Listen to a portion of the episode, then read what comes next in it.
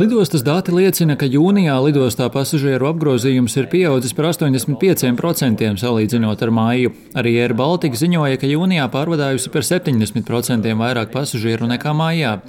Tūlīt beigsies arī jūlijas. Vai līdzsabiedrība izjūt pasažieru pieplūdumu un cik lielā mērā? And, and No, we haven't closed July, but we will have Mēs vēl neesam noslēguši jūliju, bet mums visticamāk būs par 90% vairāk pasažieru nekā jūnijā. Tātad skaitļi atkal būtiski kāps augšā, kā tas vasarā notiek. Daudz cilvēki tagad izvēlas ceļot, jo to nav darījuši ilgu laiku. Uz ārzemēm ceļo daudz latviešu. Mums gan nav tik liels no ārzemēm ielidojušo skaits, jo Latvija joprojām bija noteikusi ierobežojumus ieceļotājiem no vairākām valstīm. Kad pasažieri Eiropā izvēlējās savus vasaras brīvības, brīvdienu galamērķus, Latvija nebija šajā sarakstā, jo ceļošana šeit vēl nebija atļauta. Un Latvija bija viena no pēdējām, kas ļāva ceļot. Tā tad mums joprojām nav tā, ko parasti novērojam - turisma plūsmas. Tā vēl šeit nav.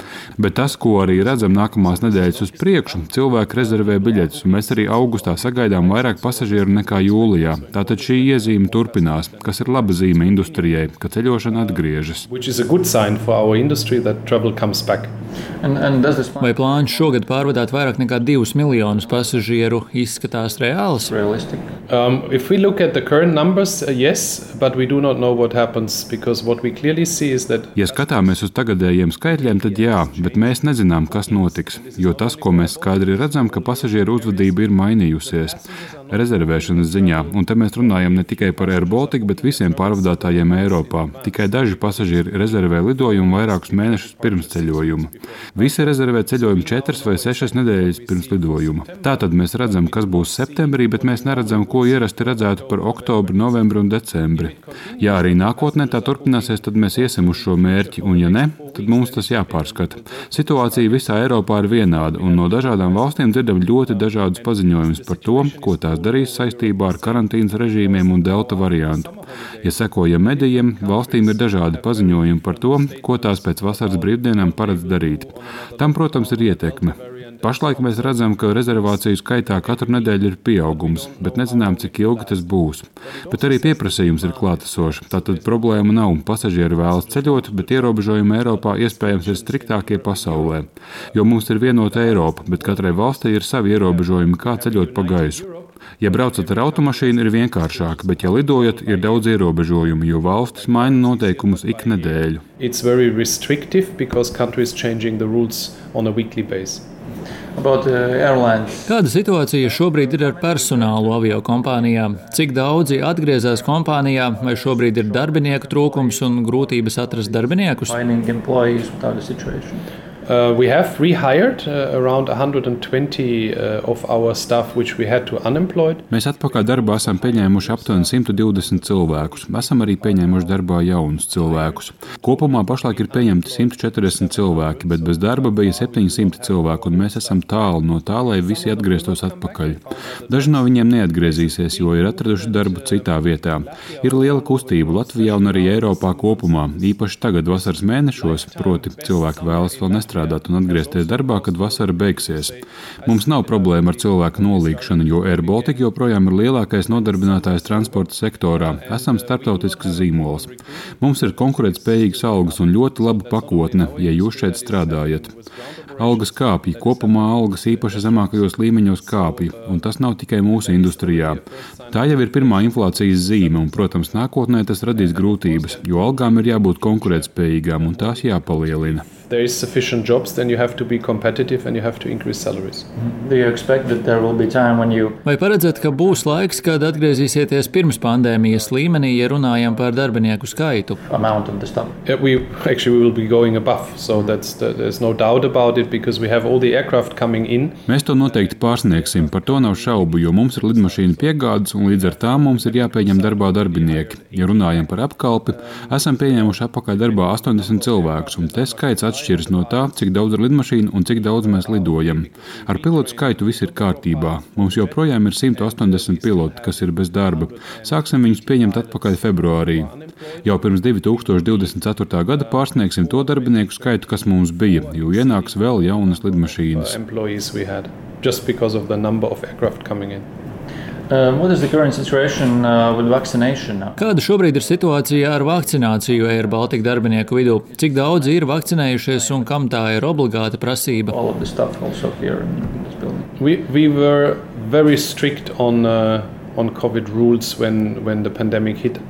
uh, Brīdī, kad mūs skāra pandēmija, mēs bijām ļoti strikti jautājumā par Covid-19 noteikumiem, jo mūsu industrija ir cietusi ļoti smagi.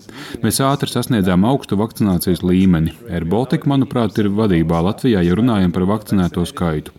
80% mūsu darbinieku ir vakcinēti vai imūni. Pilotu vidū šis skaits ir 90%, jo tie sēž kabīnē. Mēs to sasniedzām izglītojot cilvēkus, sakot, paklausieties, tas ir kaut kas, kam varam tikt pāri, un visi varam izkļūt no šīs pandēmijas. Tiem, kas atgriežas ar Baltiku vai pievienojas ar Baltiku, esam noteikuši, ka obligāti jābūt vakcinētam vai jābūt vakcinētam līdz brīdim, kad tiek sākts pildīt darba pienākumus. Līgumā esam noteikuši, ka iespējams mainīt amatu vai saņemt algas paaugstinājumu tikai tad, ja esi vakcinēts. Un tas strādā. Ar to esam kāpinājuši vakcinēto cilvēku skaitu. Biroja ēka mums ir dzeltenā un zaļā zonā. Cilvēki, kuri nav vakcinēti, nevar doties uz galvenajām uzņēmuma zonām. Mums ir elektroniskā identifikācija, un jūs nevarat iekļūt, ja neesat vakcinēts. Iemesls tam ir tāds, ka vēlamies, lai darbs šeit norit bez ierobežojumiem. Tas ir veids, kā mēs to darām. Mēs to turpinām, un AirBaltic rāda piemēru. Ideāli mēs vēlētos, lai mums būtu 90% vakcinēto. Sasniegt 100% būtu grūti, jo ir medicīniski apsvērumi, kādēļ tas nevar notikt, un ir cilvēki, kuri to nedarīs savu individuālo iemeslu dēļ. Un tas arī mums būtu jāparedz. Bet, ja mēs šādā ceļā turpināsim, pandēmija vienu dienu būs galā galā. Um, Bet, about, uh, Bet jūs nedomājat par to, vai kādu atlaist, ja viņš nevakcinējas? Not, it, all, you can, you Pirmkārt, tas nav iespējams. To nevar izdarīt. Mēs cenšamies izglītot katru nedēļu. Mēs rādām statistiku un daudz runājam, lai uzrunātu arī cilvēkus, kuriem ir problēmas ar vakcināciju.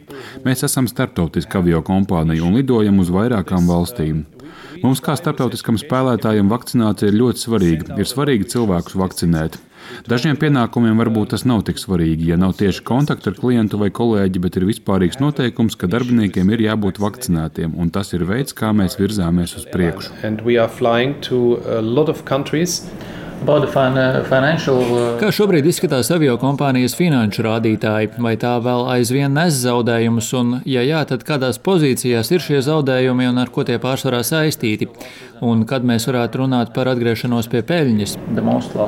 So the most We, we, we had, uh, result, uh... Mēs savus pusgadu rādītājus publicēsim augusta beigās. Mēs esam publicējuši pērnā gada rezultātus, kad bija 270 miljoni eiro zaudējumi. Tas atspoguļoja pirmo pilno gadu Covid-19 laikā. Tagad esam otrajā Covid-19 gadā, kad vēl nevaram pateikt, kāds būs turpmākais gads, bet varam pateikt, kādas ir mūsu fiksētās izmaksas. Mūsu minimālās izmaksas ir aptuveni 182 miljoni eiro gadā, ja nelidojam un paturam darbiniekus, lai būtu spējīgi lidot un uzturēt lidmašīnas. Tagad mums nepieciešams strādāt un nopelnīt naudu, lai sasniegtu pirmkārt šos 182 miljonus. Tas, ko nopelnīsim tai pāri, tas, protams, mazinās zaudējumus. Bet skaidrs ir tas, ka 2020. gadu mēs arī noteikti noslēgsim ar zaudējumiem. Mūsu biznesa plāns, ko esam iesnieguši Eiropas Savienībai un ministru kabinetam, paredz, ka atgriezīsimies pie peļņas 2023. gadā. Um, and, uh, Kāpēc kompānija lūgusi šogad papildu naudu? Vai patiesībā atbilst kompānijas publiskotajā pagājušajā gada finanšu pārskatā teiktais, ka Air Baltica Covid-19 pandēmijas ietekmes dēļ šogad no valsts potenciāli varētu lūgt papildu finansējumu, kas būtu mērāms 50 līdz 100 miljonu eiro apmērā? The impact to Latvia was to the aviation of Latvia was much more significant. Covid-19 ietekme uz Latvijas aviācijas sektoru bija daudz būtiskāka nekā citās Eiropas valstīs, jo mēs nelidojām vispār, un mums bija visstriktākie otrā viļņa ierobežojumi. Perspektīva bija, ka toreiz sniegtajai naudai bija jāpietiek, lai tiktu ārā no krīzes. Saskaņā ar Eiropas Savienības noteikumiem palīdzību var sniegt, lai sektu ar Covid-19 saistītus zaudējumus. Mēs toreiz teicām, ka šī gada pavasarī skatīsimies, kāda būs situācija, un tad varam sniegt ziņojumu valdībai par to, kas būtu potenciālā nepieciešamā palīdzība. Mēs tagad esam bijuši ministru kabinetā, esam prezentējuši savu situāciju, kā mēs to redzam jūlijas sākumā, un dosimies tur atkal, kad mūs ielūgs nākamreiz, un mēs sniegsim atjaunotu skatu uz situāciju. Mums informācija jāsniedz ne tikai valdībai, bet arī starptautiskajiem partneriem un starptautiskajām finanšu institūcijām. Tātad esam informējuši ministru kabinetu par otro palīdzības kārtu. Kad kabinets piekritīs konkrētajam finansējumam, mēs varēsim vērsties Eiropas Savienībā. Bet Eiropas Savienībai būs jāapstiprina, ka tas ir saistīts tikai ar Covid-19. Un tas, ko svarīgi uzsvērt, ka šī nauda simtprocentīgā apjomā ir jādod valstī. Tas ir īslaicīgi attiecīgs naudas piešķīrums. To ir ļoti būtiski saprast, jo cilvēki vienmēr saka, ka viņi ieguva šo naudu, bet mēs iegūstam palīdzību, lai tiktu ārā no Covid-19 saistītajām problēmām. Mēs nekad nedomājām, kad saņēmām 250 miljonus eiro, ka mums būs jāatgriežas, bet pandēmijas sākumā nezinājām, kur šī pandēmija mūs aizvedīs.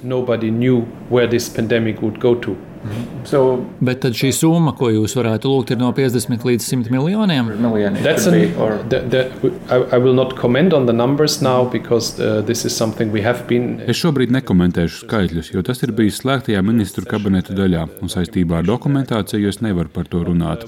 Mēs virzīsimies uz otro finansēšanas raundu, bet vēl nav lemts, kāda finansēšana tā būs, jo ir opcijas. Esam par to diskutējuši, kādu instrumentu pielietot, lai tiktu ārā no Covid-19 krīzes instrument we are taking to get out of COVID. Uh, Vai piekrītat stingrākai aviokompānijas uzraudzībai no valsts, konkrētāk, ja runājam valsts kontrolas puses?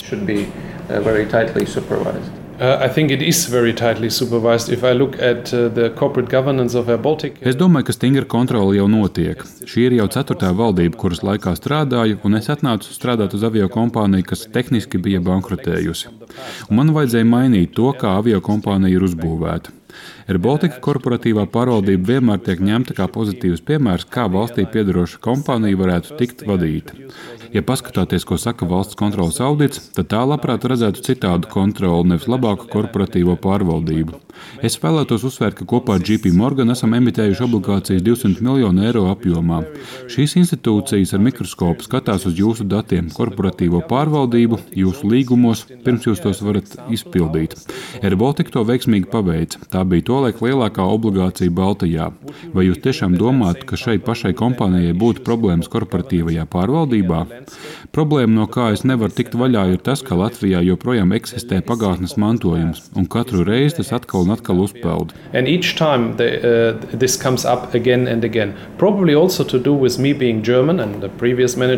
Uh, Varbūt tam ir saistība ar to, ka esmu vācietis un iepriekšējā vadība arī. Varbūt tāpēc, ka man ir lielāka alga nekā vidēji Latvijā, bet ne industrijā. Laikam šīs visas lietas spēlē savu lomu, un arī šī avio kompānija ir tik liela šai valstī. Un šis avio kompānijas lielums noved pie vairākiem pārpratumiem attiecībā uz to, ar ko mēs nodarbojamies. Viens mūsu lidmašīnas maksa ir 90 miljoni dolāru. Nākamo četru nedēļu laikā pieņemsim trīs tādas. Šie skaitļi ir tik lieli parastām lietām, kas notiek Latvijā arī algu apjoms un ieņēmumu, ko gūstam, un mēs vienmēr atgriežamies situācijā, ka sabiedrība norāda. Viņi nodarbojas ar kaut ko šaubīgu, bet ir pretēji. Mēs starptautiski tiekam kontrolēti daudz ciešāk nekā jebkurš cits Latvijas valstī piedarošs uzņēmums. Es gūstu no ministrijas vai valdības šo atgriezenisko saiti un nedomāju, ka tur kāds teiktu, ka mēs slikti vadām avio kompāniju. Bet, kad atveram presi, tad jūs padomājat, ka tas ir melns caurums. Bet tā ir ļoti caurskatām un ļoti labi vadīta avio kompānija.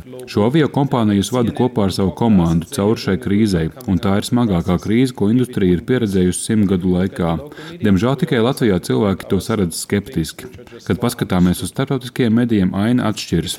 CNN ar mums nerunātu, sakot, ka jūs darāt labu darbu, izējot no krīzes, ja tā nebūtu patiesība. Bet vietējos medijos mums sevi ir jāaizstāv no lietām, kas netiek izprastas. Tas ir grūti, bet es mīlu savu darbu un valsti. Esmu šeit jau teju desmit gadus jūtos kā mājās un turpināšu. Turpināšu to darīt.